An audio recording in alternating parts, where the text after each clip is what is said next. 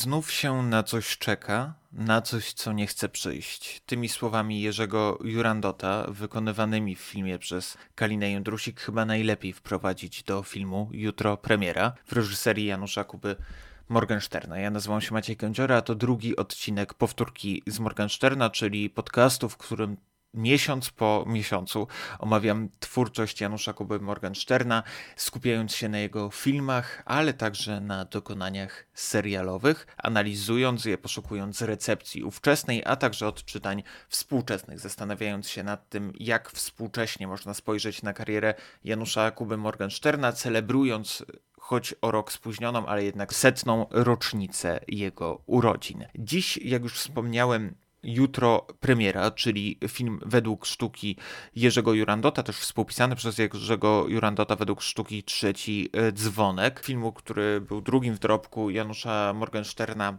pełnometrażowym. Między filmem Do widzenia do jutra jutro premiera pojawia się także krótki metraż Ambulans z roku 1961, ale o ambulansie będę opowiadać trochę później w kontekście filmów wojennych Janusza Morgensterna, bo niewątpliwie jest to film wstrząsający i nie chciałbym go łączyć z komediowym, bardzo mocno farsowym, także tudzież groteskowym miejscami filmem Jutro premiera, a na pewno filmem bardzo mocno środowiskowym. Wydaje mi się, że to połączenie byłoby nie na miejscu. Ambulansowi chcę oddać honor, bo uważam go za dzieło absolutnie wstrząsające w późniejszych odcinkach powtórki z Morgensterna. Dziś natomiast chciałbym opowiedzieć o twórczości Morgensterna w kontekście oczekiwania na debiut, o którym już wspominałem w przypadku Do widzenia do jutra. Y, Janusz Morgenstern długo musiał czekać na swój debiut y, filmowy, dłużej niż znajomi ze szkoły filmowej, niż kolega z tego samego rocznika, czyli Jerzy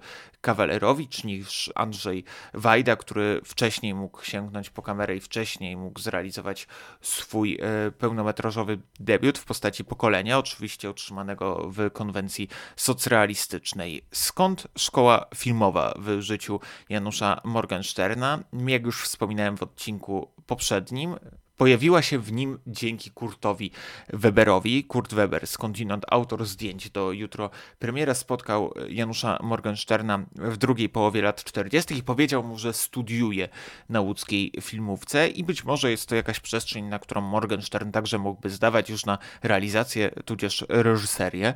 I Morgenstern faktycznie jako osoba, którą kino fascynowało, którą fascynowało to, jak kino powstaje, która zwłaszcza ten fragment uważała za najbardziej intrygujący w jaki sposób można odkryć coś w kinie, poznać trochę kuchnię filmową.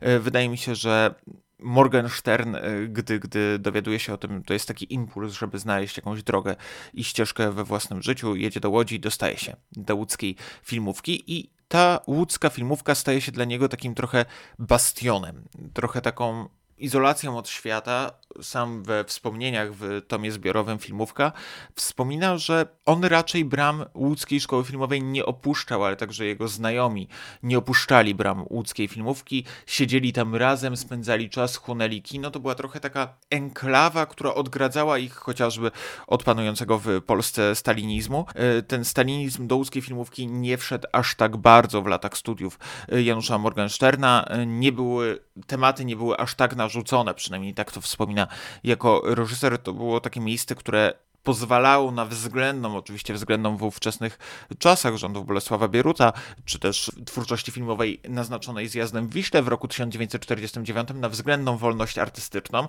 a na pewno pozwalał na posiadanie takiego okna na zachód filmowy, czy na inne nurty, inne tendencje, bowiem e, każdego wieczoru osoby studiujące w łódzkiej szkole filmowej zbierały się na wspólnych seansach, gdzie chłonęły arcydzieła zagranicznego e, kina, zarówno komedii, jak i e, filmów dramatycznych, czy to sięgając po twórczość Ingmara Bergmana, czy to oglądając chociażby Wakacje Pana Ilo, tutaj pojawia się to jako takie pewne hasło, które naznacza trochę przyszłość i jakość, pewne tendencje ukazywane chociażby w polskim kinie komediowym. E, oczywiście też Morgenstern trafia na bardzo ciekawy rocznik, e, jeśli chodzi o łódzką szkołę filmową, e, jeśli chodzi o miejsce w akademiku. Jest sąsiadem Tadeusza Chmielewskiego, mieszka przez pewien czas z Kazimierzem Kucem, przyjaźni się ze Stanisławem Bareją, więc wydaje mi się, że ten horyzont, jeśli chodzi o ilość nazwisk, to tylko kilka z licznych i z wielu, wielu więcej.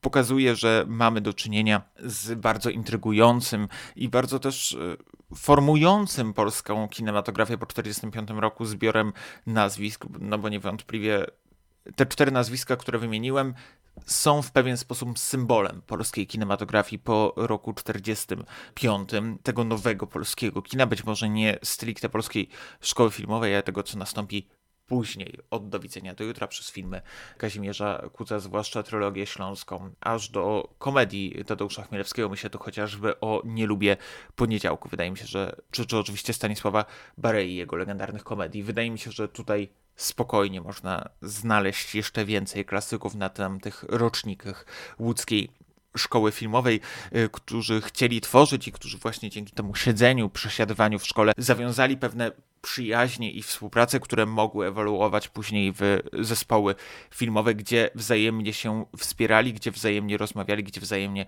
spędzali czas i mogli się lepiej poznawać. Jest taka bardzo intrygująca anegdota, którą przywołuje Janusz Morgenstern, że kiedy dach w akademiku im przeciekał, to zakleili go jednym z olejnych obrazów Andrzeja Wajdy, bo oczywiście Andrzej Wajda wcześniej był malarzem, więc y, wydaje mi się, że to są takie bardzo ciekawe, intrygujące anegdoty, które trochę budują taki klimat łódzkiej szkoły filmowej tamtych lat i tamtych, y, tamtego okresu, pozwalają trochę lepiej zrozumieć to, jak funkcjonowała łódzka szkoła filmowa. Janusz Morgenstern oczywiście wspomina w tomie filmówka także swoje przyjęcie do łódzkiej szkoły filmowej i ta anegdota, ta krótka historia z jego egzaminu wydaje mi się o tyle ciekawa, że pewien zwrot, nawiązanie do tytułu gdzieś bardzo mnie dotknęło i poruszyło, tak taka wiara w siebie, czy, czy pragnienie spełnienia marzeń. Janusz Morgenstern o swoim egzaminie pisze tak.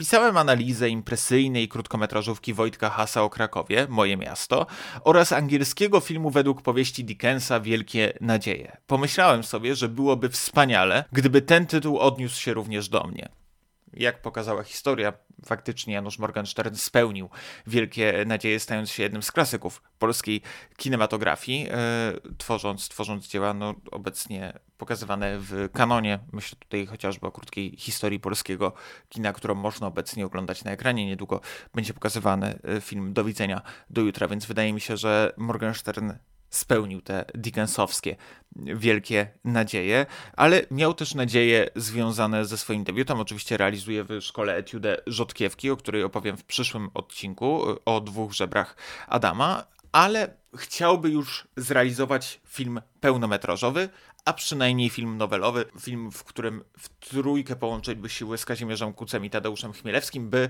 opowiedzieć historię o powstaniu warszawskim, adaptując opowiadania Jerzego Lutowskiego, adaptując trzy opowiadania właśnie o powstaniu y, warszawskim jak wspomina Janusz Morgenstern. W trzech z Kaziem Kucem i Tadeuszem Chmielewskim złożyliśmy scenariusz takiego filmu dyplomowego, który składał się z trzech opowiadań autorstwa Jerzego Lutowskiego. Akcja wszystkich trzech opowieści działa się podczas powstania warszawskiego. Scenariusz został odrzucony. Była jeszcze z mojej strony druga próba. W tamtym czasie zainteresowałem się bardzo opowiadaniem Jana Józefa Szczepańskiego Buty. O butach opowiem za chwilę. Tutaj y, na początku muszę odesłać y, do książki Niewidzialne filmy uparci debiutanci. Piotr Śmiałowski napisał znakomitą książkę o nieudanych projektach debiutanckich Janusza Morgensterna, Wojciecha Hasa, y, czy też Edwarda Skurzewskiego i Jerzego Hoffmana. Jest to książka, która przepięknie twarza archiwa, zbiera informacje o kolaudacjach, opowiada trochę historię polskiego kina, zwłaszcza tą historię niebyłą, zastanawiając się nad tym, co by było, gdyby. I to pytanie wydaje mi się bardzo znaczące również dla twórczości Janusza Morgensterna, no bo co by było, gdyby albo Cena Barykady, czyli ten film realizowany z Chmielewskim i Kucem, albo Buty yy, według Szczepańskiego powstały. Prawdopodobnie Janusz Morgenstern nie stałby już w opozycji do polskiej szkoły filmowej. Oczywiście nie stoi w niej prawie nigdy, no bo był asystentem Andrzeja Wajdy przy kanale, współpracował z nim jako drugi reżyser Popiołu i Diamentu czy Lotnej, pracował też na planach chociażby Jerzego Kawalerowicza, więc on jakby jest bardzo formacyjną częścią polskiej szkoły filmowej, oczywiście postacią drugoplanową, ale wciąż bardzo mocno obecną w tym dyskursie, ale jednocześnie jako pojedynczy, samodzielny reżyser może wydawać się, że Janusz Morgenstern starał się tego tematu wojennego unikać. Otóż nie, skoro cena barykady miała powstać w roku 1955, a jak zwraca uwagę Piotr Śmiałowski, została skierowana do kolaudacji do akceptacji przez komisję scenariuszową jeszcze przed kanałem e, Andrzeja Wajdy, a wcześniej Andrzeja e, Munka, bo należy pamiętać, że pierwszą propozycję właśnie adaptacji kanału miał Andrzej Munk, on z niej zrezygnował, przejął y, ten projekt Andrzej Wajda, zresztą Morgenstern rozmawiał już z Munkiem o, o kanale, to też warto odnotować, więc mamy do czynienia z filmem, który mógłby kanał wyprzedzić, który też, jak zwraca uwagę Piotr Śmiałowski, być może ze względu na to, jak przedstawia Powstanie Warszawskie, bardzo mocno daje podmiotowość osobom walczącym w Powstaniu Warszawskim. Warto pamiętać, że kanał jest raczej właśnie takim bardziej fatalistycznym filmem, który pokazuje pewien brak podmiotowości, jeśli chodzi o możliwość podejmowania decyzji głównych bohaterów kanału czy głównych bohaterek, to jednak w przypadku ceny barykady ta podmiotowość miała być znacznie większa w tych trzech opowiadaniach. Być może zostałby on cieplej odebrany przez publiczność, tu znów przypominam, że kanał został przez tą publiczność raczej odrzucony, jeśli chodzi o publiczność w Polsce. Oczywiście został później doceniony za granicą i stał się klasykiem polskiego kina wraz z Popiołem i Diamentem, taki, taka dylogia filmów wojennych. Oczywiście jeszcze pojawia się wspomniane przeze mnie Pokolenie Andrzeja Wajdy, czyli jego debiutancki film, trylogia filmów wojennych. To niewątpliwie cena barykady mogłaby kanał wyprzedzić i mogłaby trochę zmienić historię polskiego kina. Kanał prawdopodobnie wciąż by powstał, bo był trochę mniej ryzykowny e, politycznie, e, przynajmniej tak można wnioskować po tym, że scenariusz e, na podstawie opowiadań Lutowskiego został odrzucony, a scenariusz kanału został przyjęty. Jak zresztą pisze Śmiałowski w swojej książce, do której odsyłam i bardzo zachęcam do jej przeczytania. Scenariusz kanału był też po prostu lepszy. Y, opowieść w kanale była po prostu lepsza niż opowieść w cenie barykady, więc tutaj też pojawia się to trochę rozminięcie, czy, czy Cena Barykady faktycznie byłaby filmem, który byłby bardziej pamiętany niż kanał, ale być może taka, takie podwójne spojrzenie na Powstanie Warszawskie byłoby ciekawe y, z perspektywy lat. Tego spojrzenia nie możemy i nie mogliśmy już dostać. Zresztą niemożność zrealizowania tego filmu powoduje, że ani Kazimierz Kuz, ani Tadeusz Chmielewski nie odebrali dyplomu Łódzkiej Szkoły Filmowej, nie ukończyli formalnie y, swoich y, studiów Dyplom odebrał natomiast Morgenstern wiele lat później, bo w roku 1969, więc należy o tym pamiętać, że takie odrzucenie komisji scenariuszowej czasem też warunkowało możliwość kończenia czy nieukończenia szkoły, ale też o tym, że ta cena barykady aż tak bardzo nie była bliska im sercu, może wnioskować to, że po pierwotnym odrzuceniu przez komisję scenariuszową projektu, a właściwie skierowaniu go do poprawek, już do tego yy, pomysłu nie powrócono już już ten projekt został jakoś zawieszony, być może właśnie ze względu na kanał, być może ze względu na to, że zarówno Kuc, jak i y, Janusz Morgenstern byli w kanał zaangażowani. Kuc jako drugi reżyser, y, Janusz Morgenstern jako asystent Andrzeja Wajdy, więc wydaje mi się, że ta perspektywa również jest y, istotna, jeśli myślimy o cenie barykady. Znacznie ważniejszym dla Morgensterna też z perspektywy licznych wywiadów, zresztą przeprowadzanych przez Piotra Śmiałowskiego, chociażby dla miesięcznika Kino, wybrzmiewał, że znacznie bliższa była mu opowieść na podstawie opowiadania Jana Józefa Szczepańskiego. Zresztą tak mówił o tym opowiadaniu. Chciałem to sfilmować, bo czegoś takiego ani w polskiej literaturze, ani w filmie jeszcze nie było. Buty pokazują, co może stać się z człowiekiem w sytuacji ekstremalnej, niekoniecznie w lesie. Jakie to może być groźne. Mówił także: Chyba żadnego z moich niezrealizowanych projektów nie żałuję tak bardzo jak tego. Do dziś trudno mi zrozumieć, dlaczego komisja scenariuszowa odrzuciła buty. Zresztą klamra kompozycyjna, która też pokazywała, jak umie adaptować opowiadania e, Szczepańskiego, e, czy, czy w ogóle jak umie adaptować e, Morgenstern na potrzeby kina, miała zaczynać się od tego, że na początku żołnierz płacze nad ciałami poległych wrogów, a później w ostatniej scenie sam chce ich zabijać, o tym jak wojna zmienia człowieka. I wydaje mi się to o tyle intrygujące, że to przedstawienie byłoby bardzo ważne w tamtym czasie. Myślę też uzupełniałoby się poniekąd z Popiołem i Diamentem i z tą refleksją Maćka Chełmickiego, którą on ma w Popiele i Diamencie w pewnym momencie, gdy, gdy chce się wycofać i później byłby oskarżony o dezercję. I wydaje mi się, że tutaj również wybrzmiewałyby echa Popiołu i Diamentu, y, który zresztą Andrzej Wajda właśnie w tomie filmówka wskazuje na to, że to Janusz Morgenstern podsunął mu popiół i diament do tego, żeby przeczytać. On wcześniej o książce Jerzego Andrzejewskiego nie słyszał, więc e, to zainteresowanie tym tematem Morgensterna nie powinno nas e, zbytnio dziwić. E, Morgenstern być może stworzyłby bardzo intrygujące dzieło polskiej szkoły filmowej. Zresztą ten projekt był rozwijany równolegle, jak wskazuje Piotr Śmiałowski, wraz z Do widzenia do jutra, nie przed Do widzenia do jutra, więc być może to byłoby ciekawe, który film udałoby się zrealizować na początku, kiedy zostały jednak buty odrzucone, no to Morgenstern zdecydował się skupić na do widzenia do jutra i właśnie ten projekt rozwinąć, e, ten projekt zrealizować, no i oczywiście zadebiutować. Został włączony w pewną przestrzeń, do której nie do końca należał nominalnie, czyli został włączony w przestrzeń osób, które miały dość polskiej szkoły filmowej, chciały zrobić coś nowego. Zresztą Morgenstern poniekąd deklarował to także w wywiadach, o czym warto, warto pamiętać, ale jak już Morgenstern e, mówił, to nie jest tak, że on nie chciał podejmować tematyki wojennej w swoim filmie, nie chciał o niej opowiadać, po prostu nie było mu to dane. Być może byłby znacznie ważniejszą częścią polskiej szkoły filmowej, gdyby ta nasza rzeczywistość się choć trochę zmieniła. To y, oczywiście pozostaje tematyką historii niebyłej rodzimego kina, ale wydaje mi się, że zwłaszcza ten projekt Butów faktycznie intrygujący, więc nie dziwię się, że to właśnie do niego bliżej było Januszowi Morgensternowi. Chodzi film o noweliczny z trzech perspektyw Chmielewskiego, Kuca i Morgensterna. Wydaje się ciekawe o tyle, że wszyscy mają bardzo unikalne spojrzenie na kino, bardzo swój własny sposób przedstawiania tego, jak na to kino patrzą, więc chciałbym zobaczyć, jak uzupełnia się właśnie wizja Kuca, jak się uzupełnia wizja Chmielewskiego, jak uzupełnia się wizja Morgensterna. To, to byłoby bardzo ciekawe, zwłaszcza na, w tamtym okresie ich twórczości, w takim bardzo wczesnym. Być może byłoby to dzieło w jakiś sposób nieokrzesane, ale przy tym intrygujące i takie w pełni debiutanckie, no bo oglądając do widzenia do jutra nie ma się poczucia, że to jest dzieło debiutanckie, że to jest dzieło z jakimiś mankamentami czy wadami. Cena barykady czy buty mogłyby być takimi projektami, ale oczywiście też doświadczenie tych tych projektów powoduje, że Morgenstern ma większe doświadczenie.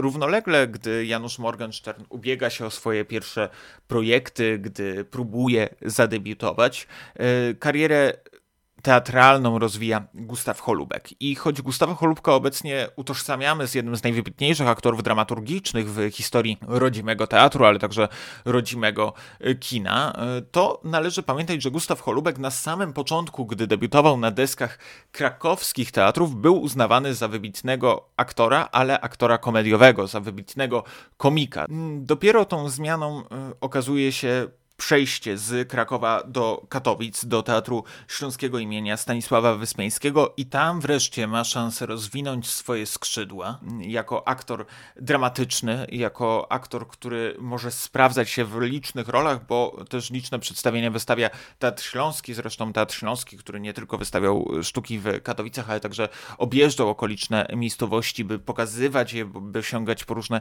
e, klasyki albo sztuki e, dość nowe, e, by by, w jakiś sposób pokazywać nowe teatry, pokazywać nowe talenty właśnie w postaci Gustawa e, Cholubka. Wydaje mi się, że ten okres w Teatrze Śląskim jest dosyć zapomniany, zwłaszcza, że Gustaw Cholubek jest już pamiętany jako aktor warszawski, a także aktor pochodzący z Krakowa, ale ten okres katowicki był dla niego bardzo ważny, bo umożliwił mu tam rozwinąć swoje aktorskie skrzydła, sprawdzić się z różnymi materiałami źródłowymi, z różnymi dramatami, e, a także zmierzyć się z nowymi poetykami w tym tą narzuconą poetyką socrealizmu, którą jak wspomina w książce Holubek Rozmowy, gdzie dialog prowadzi z nim Małgorzata Terlecka-Rexnis, y, warto pamiętać, że Gustaw Holubek wspomina tam, że tak naprawdę publiczność nie chciała socrealistycznych sztuk, chciała właśnie jakieś dzieła eskapistyczne, nie chciała oglądać codzienności, chciała oglądać coś nowego. I gdy w roku 1954 Gustaw Holubek obejmuje kierownictwo nad Teatrem Śląskim imienia Stanisława Wyspiańskiego, właśnie po te bardziej klasyczne dzieła sięga, co spotyka się ze sprzeciwem strony partyjnej, przez to też Holubek zostaje w 1956 roku odwołany, co w jakiś sposób pokrywa się z jego pogorszeniem stanu zdrowia. Gustaw Holbeck cierpi na gruźlicę, choruje na gruźlicę i musi udać się na dwuletnią przerwę w aktorstwie. Udaje się do Zakopanego i tam próbuje regenerować swoje siły. Tam także pogrąża się w czytaniu książek. Paradoksalnie nie teatr po niego sięga jako po pierwszego z, z, po okresie kuracji, a film y, przyjeżdża na zdjęcia próbne do Pętli na podstawie Marka Chłaski, czyli do debiutanckiego filmu Wojciecha Jerzego Hasa. E, Mieczysław Jachoda mówi, że ten człowiek nie nadaje się do końca do grania w filmie, bo jest aktorem bardzo teatralnym, że w filmie gra się inaczej i że Gustaw Holubek będzie musiał zrozumieć to, jak gra się w filmie. Natomiast Wojciech Jerzy Has zauważa w nim coś ciekawego i angażuje go do roli Kuby. E, można powiedzieć, że reszta jest historią. Pętla uchodzi za jedno z największych arcydzieł w historii polskiego kina. Na pewno jeden z najważniejszych, jeśli nie najważniejszy film dotykający tematyki choroby alkoholowej w rodzimej kinematografii. Premiera filmu ma miejsce w roku 1958 i w pewien sposób zapowiada ten powrót Gustawa Holubka do grania, także grania teatralnego. E, znajduje swoje miejsce na deskach teatralnych i ma szansę rozpocząć fenomen Holubka, czyli stać się aktorem, na którego do teatru po prostu się przychodzi, by oglądać go w różnych rolach, w różnych kreacjach, by móc się nim zachwycać na nowo i staje się niewątpliwie jednym z najważniejszych nazwisk polskiego teatru i takim pozostaje aż do końca swojej kariery aktorskiej. Warto tutaj zresztą zaznaczyć, że w tym roku obchodzimy setną rocznicę urodzin Gustawa Cholubka, który urodził się 21 kwietnia roku 1923. W tym roku setna rocznica urodzin, dlatego też warto wspomnieć o jego karierze aktorskiej. Ta, ta kariera aktorska trochę naznacza także jego kreację.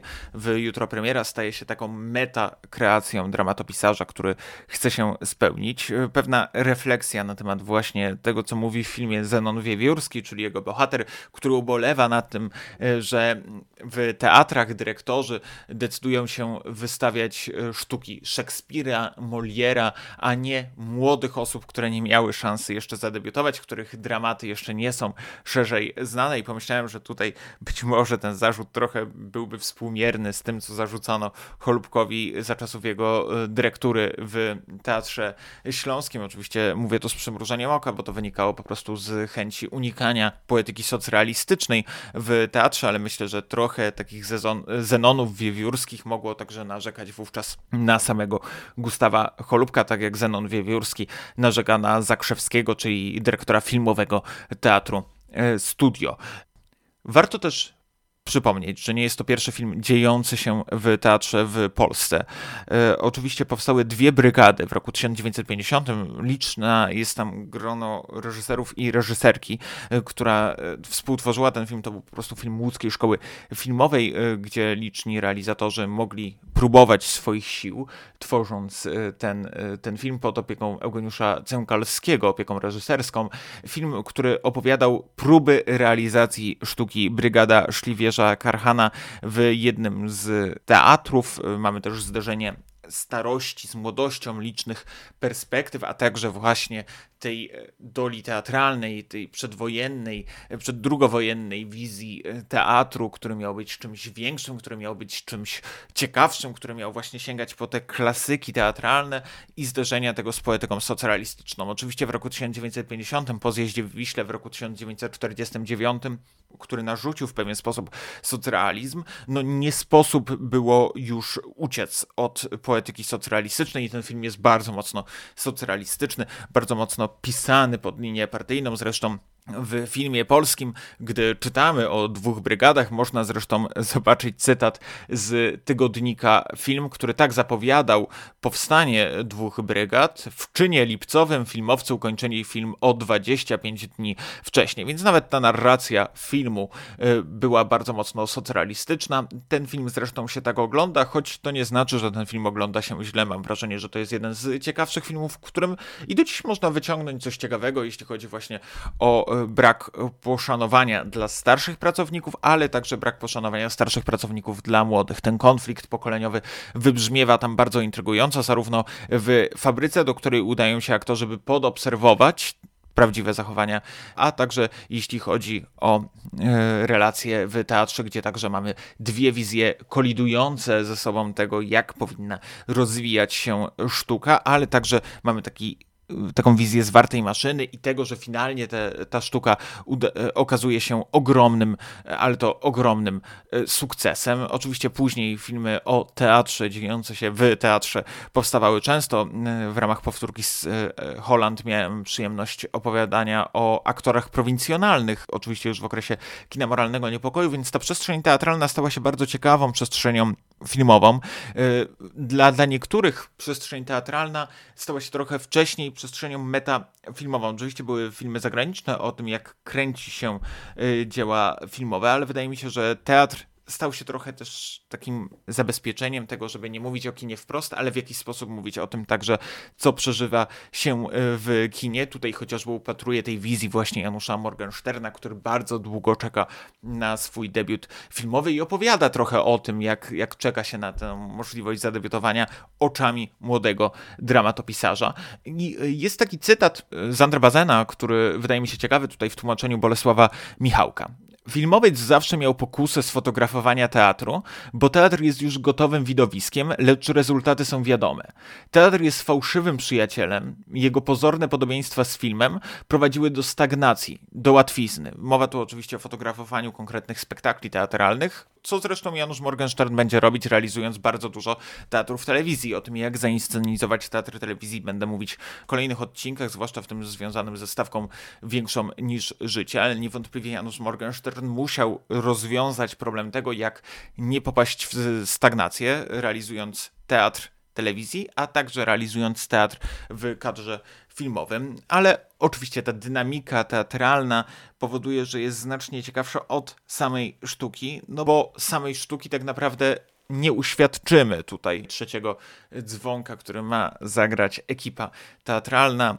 Jest to raczej sztuka zdecydowanie czwarto wręcz planowa, co oczywiście częste w przypadku filmów o teatrze. Rzadko kiedy w filmach o teatrze spektakl wystawiany staje się jakimś centrum akcji często staje się jakimś impulsem do kolejnych konfliktów, czy to pokoleniowych, czy to politycznych, jak było w aktorach prowincjonalnych, czy to po prostu zmianą dynamiki, albo dzięki teatrowi wyzwalane są emocje konkretnego aktora, tudzież e, aktorki, tudzież osoby, która gra na scenie, dlatego że pozwala im wyrazić jakieś emocje. Tak jest chociażby w jutro premiera, jeśli chodzi o konflikt między Janiną Rydwańską, Barbarą Percykówną, e, gdzie obie w jakiś sposób nawiązują relacje z budującym scenografię Romanem Wittingiem, w którego wciela się Tadeusz Janczar, więc wydaje mi się, że ten konflikt wybrzmiewa również dzięki temu, że na e, scenie, na deskach teatralnych widzimy konflikt między parą, ale nie widzimy samego spektaklu poza próbami. Bardzo rzadko w filmie o teatrze oglądamy samą sztukę, bo byłoby to nieciekawe, byłoby to właśnie coś, co bazę nazywa popadaniem w stagnację.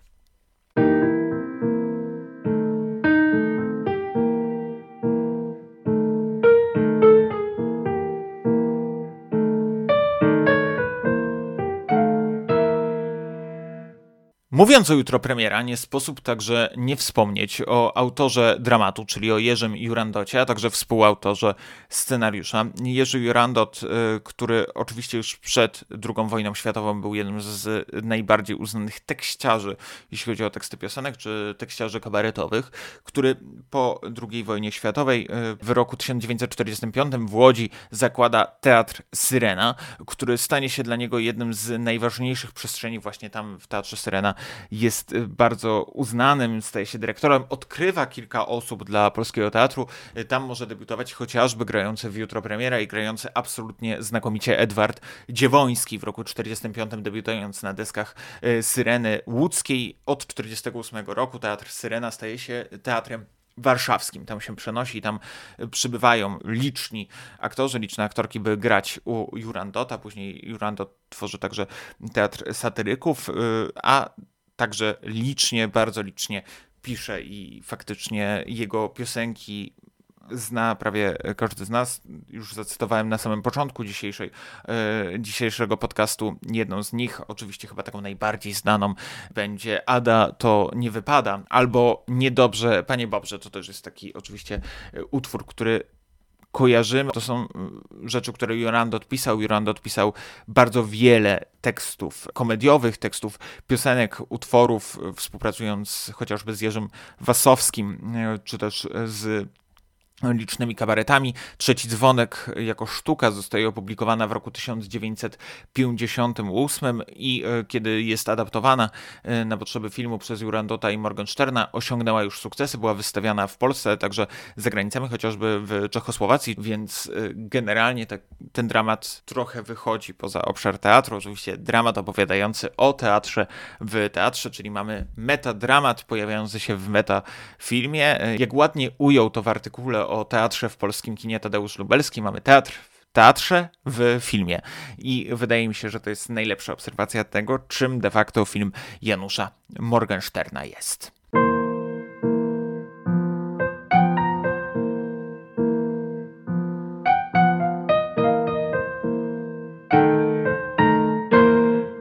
Janusz Morgenstern, zapowiadając swój film, udzielał licznych wywiadów. Tak mówił dla ekranu. Film mój nie będzie per excellence komedią, gdyż nie jest oparty na sytuacjach gagowych. Chodzi mi po prostu, aby po serii ponurych filmów okupacyjnych, od dłuższego czasu nie schodzącej z naszych ekranów, pokazać ludziom coś lekkiego z gatunku filmu rozrywkowego. Czyli znów mamy pewien kontrast wobec tego, co było, który trochę wpisuje Janusza Morgensterna w ten kontrast wobec polskiej e, szkoły filmowej. Co ciekawe, bo, bo jak już wspominałem, przecież nie było tak, że Janusz Morgenstern koniecznie chciał się odciąć od tej tematyki. I Morgenstern dla filmu mówił natomiast tak. Chcę mu, w domyśle widzowi, dostarczyć dwie godziny rozrywki. Jeżeli widz kilka razy uśmiechnie się, będę szczęśliwy. Temu naczelnemu założeniu podporządkuję całą realizację. Ma być prosta, nieskomplikowana, jak cały film. I faktycznie oglądając jutro premiera mam wrażenie, że ten film jest nieskomplikowany, nie ma nawet takich zabiegów realizacyjnych czy zabiegów inscenizacyjnych, które kojarzylibyśmy z debiutanckiego do widzenia do jutra. Nie ma konceptu z kukiełkami, nie ma zakończenia, nie ma dużej ilości scen poetyckich. Jest to raczej film bardzo w swojej istocie dosłowny, choć jednocześnie film, który jest dosłownie snem, pewną fantasmagorią głównego bohatera, który przybywa do teatru głównym bohaterem jest Zenon Wiewiórski, dramatopisarz, autor trzeciego dzwonka, który przybywa do teatru z nadzieją, że dyrektor y, Zakrzewski, grany przez Aleksandra Bardiniego, zdołał przeczytać jego sztukę i podjął decyzję, czy sztuka ma szansę znaleźć się na afiszu teatru Studio. Tutaj pewien przepis. Nie jest to znany nam warszawski teatr Studio. W momencie, kiedy film był kręcony, teatr Studio jeszcze nie istniał. Oczywiście obecnie jest jednym z najważniejszych alternatywnych, awangardowych teatrów y, stołecznych. Zenon Wiewiórski przychodzi, dowiaduje się po pewnym zawieszeniu, gdy wpatruje się na afisz Wieczoru Trzech Króli, czyli komediowej y, sztuki Williama Szekspira, komedii pomyłek, która zresztą trochę będzie współmierna z tym, czym jest trzeci dzwonek, a właściwie z tym, czym jest jutro premiera. Liczy, że dostanie odpowiedź pozytywną i gdy wychodzą w trakcie przerwy, w trakcie próby generalnej, e, zarówno obsada wychodzi, jak i wychodzi dyrektor Zakrzewski, dostaje informację, że jest szansa na to, żeby wystawić trzeci dzwonek, dlatego że sztuka a zwłaszcza główna postać kobieca, bardzo spodobała się Janinie Radwańskiej, granej przez Irenę Malkiewicz. E, Ucieszony Zenon e, nie może się doczekać tego, jak sztuka będzie się rozwijać. Zakrzewski przejmuje stery, zaczyna angażować reżysera Ryszarda Kureło, czyli etatowego reżysera teatru studio e, granego przez Wieńczysława Glińskiego. Mamy do czynienia ze stałą obsadą, ale nie jest to jednak taki idylliczny sen głównego bohatera, jak moglibyśmy się spodziewać. Reżyser pozostaje wobec sztuki sceptyczny i sam twierdzi, że gdyby nie Janina Radwańska, która jest prawdziwą gwiazdą teatru studio, nigdy ta sztuka nie zostałaby wystawiona. Znajduje jej mankamenty, a gdzieś e, Janina Radwańska odnajduje się po prostu w roli Magdaleny, którą napisał e, Wiewiórski, e, postaci skomplikowanej. Zresztą wszyscy mówią, że to jest prawdziwa rola do tego, żeby ją wygrać, żeby zgarnąć wszelkie nagrody i wszelkie laury uznania.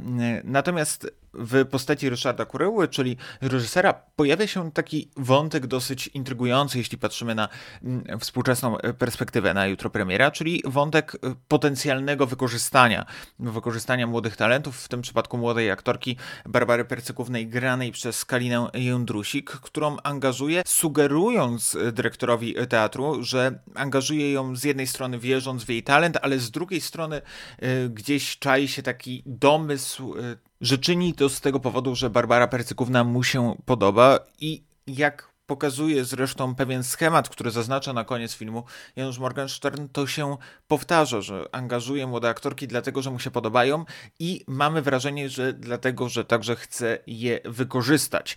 Pojawia się to jako bardzo ważny i istotny wątek, który także wybrzmiewa w tym filmie, który zresztą punktuje mm, wobec niego Zakrzewski. Bardzo ważnym tematem, którym już wspominałem, jest dla jutro premiera kwestia wejścia młodych na scenę i tego, dlaczego tak trudno jest im się na tą scenę przebić. Mowa chociażby o dramatopisarzach, mowa także o młodych aktorkach czy o młodych gwiazdach, które muszą grać epizodyczne role, które muszą grać na trzecim, czwartym planie, by móc wreszcie zaistnieć na, na wielkim ekranie, a właściwie w tym przypadku oczywiście na, na deskach e, scenicznych. E, Gustaw Holubek mówił o młodym aktorstwie, o tym jak się szkolić.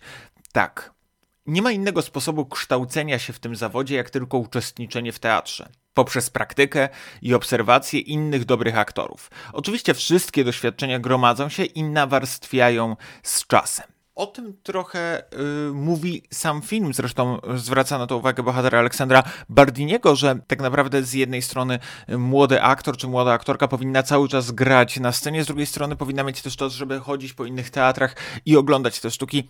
To jest jeden z takich gagów, który buduje Janusz Morgenstern Słownych wraz z Jerzym Jurandotem, takiego zakręcenia się, że z jednej strony reżyser chce zwolnić pewną aktorkę dlatego, żeby miała czas, by chodzić po innych teatrach i podglądać oglądać, e, jak grają inni, a natomiast chce zaangażować Barbarę Percykównę dlatego, żeby miała gdzie zadebiutować. I mamy też poczucie, że do postaci Gustawa Holubka raczej nikt nie ma wielkiego zaufania, dlatego że ma do czynienia z debiutantem. Debiutant jest na pewnym cenzurowanym, podchodzą do niego w pewien sposób sceptycznie media, ale też z pewną czułością, tak chyba można byłoby powiedzieć, jeśli chodzi o sympatię, przynajmniej nie czuć w nich niechęci, ale jednak chcą dowiedzieć się, kim ów autor jest, który nie jest do końca znany.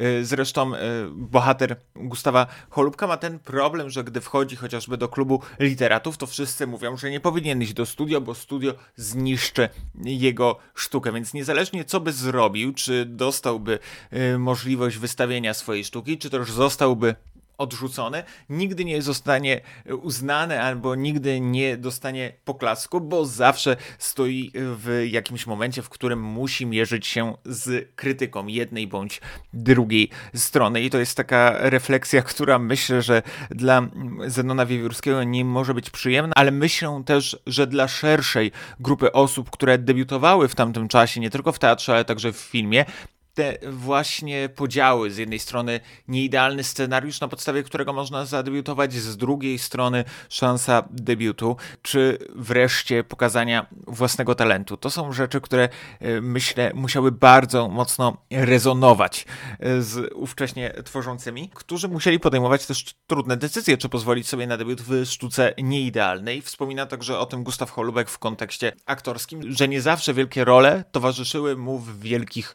sztukach, że nie zawsze te wielkie postacie towarzyszyły mu w sztukach, w których chciał zagrać, a także uznanie krytycznie nie zawsze płynęło za filmy, z których chciałby być znanym. Co ciekawe, właśnie w kontekście recepcji jutro premiera, o której jeszcze wspomnę oczywiście, mam wrażenie, że trochę Janusz Morgenstern za ten film zebrał więcej pochwał niż za Do widzenia do jutra, jeśli chodzi o krytykę. Oczywiście warto pamiętać, że Janusz Morgenstern z tym teatrem jest bardzo mocno związany. Pierwszy film o teatrzykach studenckich, teraz film o teatrze. Marek Hendrykowski zauważa ciekawą rzecz w kontekście właśnie e, twórczości Janusza Morgensterna i tego, jak ukazuje zawodowy teatr w postaci teatru e, studio i z drugiej strony kontekst teatru studenckiego, czy to teatru Bimbom, czy to teatru Coto, który wydaje się znacznie ciekawszy i znacznie bardziej intrygujący jako takie miejsce do przyjścia dla sztuki. I Marek Hendrykowski zwraca uwagę w swojej książce Januszu Morgensternie że być może jest to też taka refleksja na temat kryzysu teatru, jako takiego kryzysu wielkich nazwisk, kryzysu postaw, które, na których można się wzorować, bo niewątpliwie ten okres socrealistyczny, czy druga połowa lat 50., to nie były aż tak wielkie sukcesy teatralne, jeśli chodzi o idee, jeśli chodzi o pomysły, a często te pomysły ciekawsze znajdowały się w teatrzykach studenckich. A propos teatrzyków studenckich, warto przypomnieć pojawiające się nazwisko ostatnio Agnieszki Osieckiej, która w przypadku mm, jutro premiera jest y, jedną z asystentek reżysera. Jest to współpraca reżyserska Agnieszki Osieckiej, która y, chciała zostać reżyserką, później z tego pomysłu zrezygnowała, ale współtworzyła jutro premiera. Jeśli chodzi o proces debiutowania młodych osób, to mamy zresztą komentarze, metakomentarze na temat tego, jak młodym jest ciężko wkroczyć na scenę. Młodym, ale też dosyć dojrzałym, no bo w końcu bohater e, Gustawa Cholubka nie jest wprost po studiach, tylko jest już jakimś literatem uznanym, należy do klubu literatów, przebywa w tym środowisku, ale wciąż nie może znaleźć takiego docenienia. E, wydaje się, że też niektórzy młodzi, którzy pojawiają się tam na ekranie y, jeszcze nie są zauważeni w jutro premiera i zostaną dostrzeżeni później, chociażby jeden z epizodowystów, który gra w filmie Janusza Morgensterna wciela się w rolę aktora występującego w Wieczorze Trzech Króli Williama e, Szekspira. Jest Stanisław Tym, oczywiście później jeden z najważniejszych aktorów e, komediowych w naszym kraju, który w jutro premiera gra rolę tylko epizodyczną, po prostu się przechadza w foyer teatru studio. Wydaje się, że ta rola młodych u Morgensterna jest ukazana jako pewien dramat, którego nie można przebić, ale dramat, który staje się humorem. I wydaje się, że ta refleksja towarzyszy Morgensternowi, ale także towarzyszyła mu przy do widzenia do jutra. Tam pokazał siłę młodych, gdy pozwolić im tworzyć własny teatr w teatrzyku studenckim. Tu pokazuje im pewne ograniczenie, pewna refleksja współmierna z tym, co Morgenstern przeżywał w filmówce, która wydała mu się takim właśnie miejscem inspiracji, miejscem pobudzenia artystycznego i później zderzenie z prawdziwym rynkiem produkcji w Polsce, produkcji państwowej, komisji scenariuszowej odrzucanych projektów. Obsada e, samego filmu również jest meta teatralna, bo bardzo dużo osób związanych właśnie z teatrem zwraca na to uwagę w swojej recenzji Joanna Guze, że nie ma tutaj tak naprawdę ról pierwszo- i drugoplanowych. Wszystkie role są wybitne i wyróżniają się od razu i kształtują nasz obraz filmu. Oczywiście taką prawdziwą główną rolą jest oczywiście rola Gustawa Holubka, e, czyli Zenona Wiewiórskiego, ale też wcale nie jest tak, że Gustaw Holubek jest bardzo często na ekranie. Tutaj raczej śledzimy liczne epizody, które e, kształtują nam obraz życia. W teatrze poznajemy każdego bohatera, każdą bohaterkę, by choć przez trochę z nimi pobić na ekranie, a zwłaszcza z ich talentem aktorskim. Oczywiście Gustaw Holubek już y, opowiedziałem jego historię bardzo już docenionego aktora, który też mam wrażenie utożsamiał w sobie pewien dystans do, do sztuki aktorskiej, którą z jednej strony bardzo lubił, ale z drugiej strony też często wspominał o tej potrzebie codzienności w życiu aktora, potrzebie dystansu, potrzebie znalezienia w sobie jakiegoś, y, jakiejś przestrzeni na to, żeby w codzienności budować swoją osobowość, po to, żeby także pokazywać ją na scenie. Wydaje się, że tutaj to zdystansowanie również widoczne jest w roli Wiewiórskiego, chociażby w scenie, w której już takimi lekko zrezygnowanymi oczami Gustaw Holubek patrzy w kamerę i y, który, gdy dowiaduje się, że nie zagra wymarzona przez niego aktorka, a także wymarzony scenograf, nie zbuduje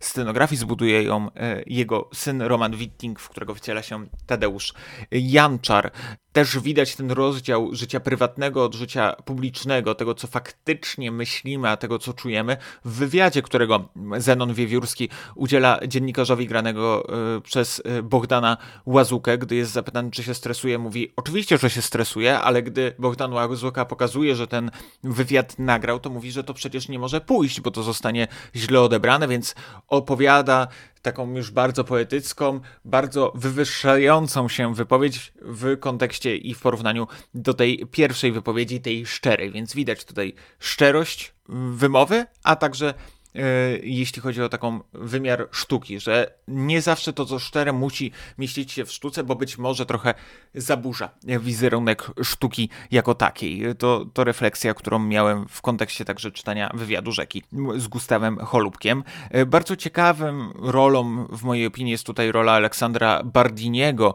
w roli dyrektora teatru Studio. Aleksandra Bardiniego, którego oczywiście kojarzymy jako aktora, ale przede wszystkim, i to z zdaniem wielu kojarzymy jako profesora. Często o Aleksandrze Bardini mówi się profesor Bardini w tym kontekście, że właśnie tak został zapamiętany.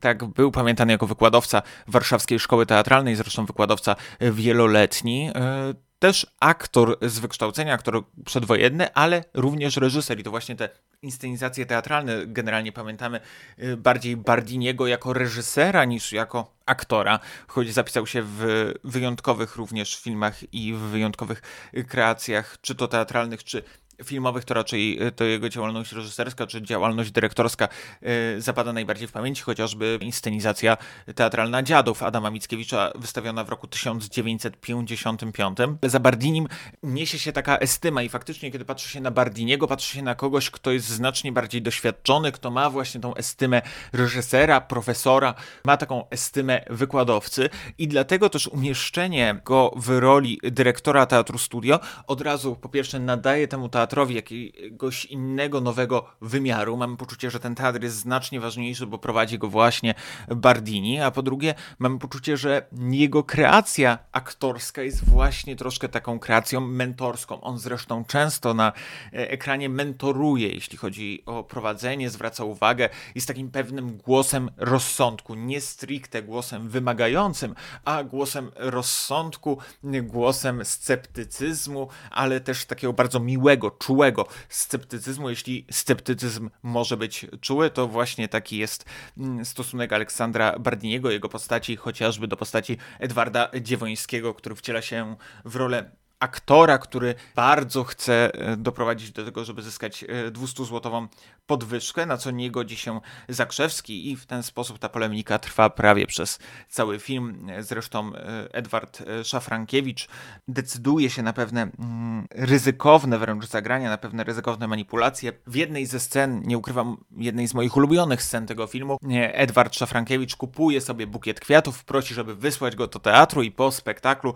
po trzecim dzwonku, otrzymując bukiet kwiatów, pokazuje je dyrektorowi, mówiąc, że w tym momencie no to już trzeba tą podwyżkę porozmawiać, ale oczywiście dzień później, dzień po premierze, bo o podwyżkach nie można rozmawiać w momencie premiery. Edward Dziewoński także, mam wrażenie, gra tutaj rolę nieskrywanie wyjątkową, nieskrywanie wybitną, bo Edward Dziewoński jest po prostu znakomitym aktorem teatralnym, jeśli właśnie chodzi o kabaret, jeśli właśnie chodzi o farsę, a w tym kluczu odczytywałbym film Janusza Morgensterna. Jutro premiera, bowiem wydaje mi się filmem, który faktycznie nie składa się stricte z gagów e, w tym kontekście, że wiemy, kiedy mamy się zaśmiać, tylko widownia jest postawiona w takiej dosyć niekomfortowej pozycji, bowiem nie wiemy, kiedy mamy się śmiać. Nie mamy zaznaczenia, akcentu na ostatnie zdanie, czy na ostatnią ripostę, która ma wywołać w nas śmiech. Tutaj śmiech ma trwać ciągle i to my mamy wybrać moment, w którym coś nas e, rozbawi, ale nikt nie da po sobie poczuć, że to właśnie któraś ze scen ma wprowadzić nas w klimat śmieszności, czy, czy ma wywołać nasz, nasz śmiech. Ten, ten moment mamy po prostu sami sobie wybrać tą anegdotę, która nas rozbawi, e, zaśmiać się na własnych, a nie narzuconych dramaturgicznie, narracyjnie warunkach. I to nieskrywanie imponuje mi w tym sposobie budowania świata przez Janusza Morgensterna i w tym też znakomicie odnajdywał się Edward Dziewoński, którego humor, czy to w Eroice Andrzeja Munka, gdzie stworzył chyba najważniejszą rolę dla swojej kariery filmowej, czyli Dziusia Gurkiewicza, czy w epizodycznej roli w Zezwatym Szczęściu tegoż samego reżysera, czy też właśnie w roli Edwarda Szafrankiewicza w Jutro Premiera. Wydaje się, że Dziewoński idealnie wręcz y, wpisuje się w ten klimat, który narzuca mu Morgenstern, bowiem on nie zamyka zdań w sposób, który ma nam dać do zrozumienia, że mamy się teraz zaśmiać. Te zdania płyną, te, te reakcje płyną i my możemy wybrać dobrowolnie czas, kiedy będzie nas coś bawić. To wielkie ryzyko reżyserskie, ale także ryzyko, które mam wrażenie w tym przypadku się opłaca. Można tylko żałować, że Edward Dziewoński nie rozwinął swojej kariery filmowej, ale z drugiej strony rozwinął oczywiście karierę kabaretową, bo założył kabaret Dudek, który przez 10 lat będzie święcił wielkie sukcesy, stając się jednym z najważniejszych kabaretów w pejzażu kabaretowym w Polsce, będąc jego szefem. E, jeśli chodzi o intrygujące inne role obsadowe i decyzje, no tutaj takim bardzo meta momentem wydaje się także obsadzenie Barbary Kraftównej jako suflerki i Barbara Kraftówna e, wciela się tam w rolę osoby, która musi w ostatnim momencie zastąpić Janinę Radwańską, gdy ta rezygnuje z głównej roli w trzecim dzwonku, a jako suflerka zapamiętuje wszystkie kwestie, znaje na pamięć, zresztą e, punktuje, że suflerki są niedoceniane. To też jest ciekawy głos wewnątrz teatralny, który wpisuje Janusz Morgenstern, a być może bardziej Jerzy Jurandot, który z tym środowiskiem teatralnym oczywiście miał bardzo wiele do czynienia. Barbara Kraftówna na koniec okazuje się objawieniem aktorskim wewnątrz filmowym i mam wrażenie, że ta kariera od suflerki do aktorki pierwszoplanowej to jest też taka zapowiedź tego, co wydarzy się w prawdziwym życiu. Za chwilę, w tym samym roku, premier ma jutro premiera, produkowany jest film, który zmieni jej aktorskie życie, czyli Jak być kochaną, który wejdzie w styczniu do kin, a będzie doceniany od razu. Film Wojciecha Jerzego Hasa z wybitną rolą pierwszoplanową Barbary Kraftówny. Niewątpliwie można spojrzeć na jutro premiera jako taką pewną zapowiedź tego, co ma nadejść.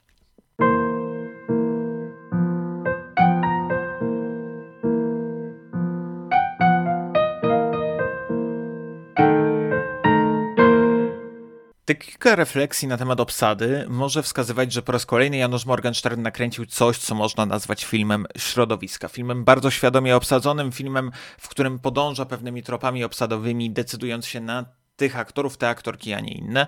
Tworząc taki film, znów będący refleksją na środowisko, jak już wspomniałem, na początku tworzę film o teatrzykach studenckich, teraz tworzę film o takim o teatrze zawodowym, umieszcza w nim jakieś swoje pojedyncze refleksje na temat stanu teatru, e, czy jego kryzysu, jak już sugerował, jak wspominałem, Marek Hendrykowski. I wydaje mi się, że te filmy środowiska bardzo dobrze Januszowi Morgensternowi wychodziły. Pokazywały także jego zasób chociażby towarzyski, bo faktycznie Janusz Morgenstern bardzo często w tym towarzystwie przebywał, więc niewątpliwie jest taką postacią towarzyską, środowiskową, o czym będę też mówić oczywiście w kolejnych odcinkach, bo, bo to towarzystwo Morgensterna również bardzo naznacza jego filmy, ale te filmy środowiskowe mam wrażenie, że zwłaszcza pierwsze dwa można stawiać w tym świetle i znakomicie ze sobą też korespondują i się uzupełniają. Jutro premiera trochę bardziej zapomniane niż do widzenia do jutra, a co wcale nie znaczy, że e, gorszy, choć jak mówi e, Krystyna Cierniak-Morgenstern w książce Nasz Film,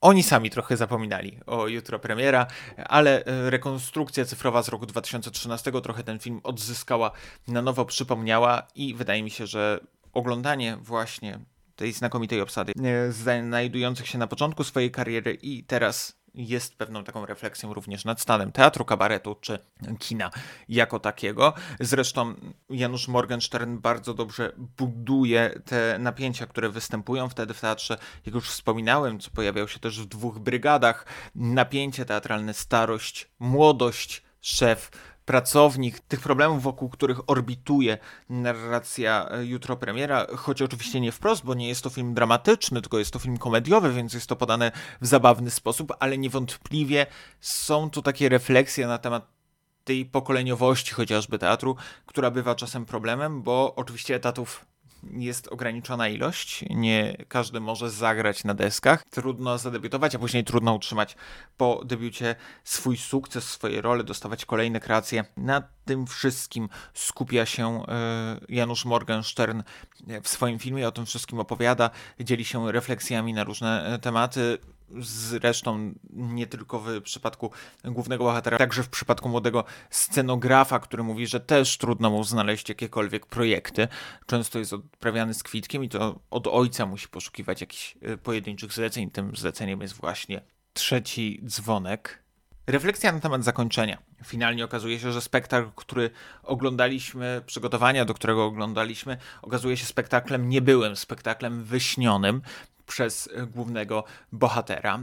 I wydaje się, że to wyśnienie, ta wizja przyszłości wiąże się trochę właśnie z tematem dzisiejszego odcinka, trochę z niebyłą historią polskiego kina, z tą refleksją, co by mogło być, gdyby Janusz Morgenstern zrealizował te filmy. I zresztą wydaje mi się, że Janusz Morgenstern musiał sobie te filmy także wyobrażać, więc być może to jest trochę takie przeżycie, uzupełnienie albo ukazanie widowni przebywania dzieła, które nigdy nie będzie widoczne jako takie, bo tak naprawdę trzeciego dzwonka również my nie oglądamy. Nie wiemy, jak wygląda trzeci dzwonek, wiemy, jak wygląda przygotowywanie się do premiery trzeciego e, dzwonka, tego wewnątrz filmowego, ale nie wiemy, czym jest trzeci dzwonek, o czym do końca opowiada. Znamy tylko zrywki e, tego dramatu i nie będziemy w stanie odkryć go w pełni, a wydaje się to jednak bardzo intrygujące, bardzo ciekawe, no ale to jest takie coś niedostępnego, to jest właśnie ta nienapisana, niewyświetlona wyjaśniona, niezrealizowana nie była historia teatru. Podobnie jak w przypadku projektów, o których możemy czasem przeczytać skrawki pamięci,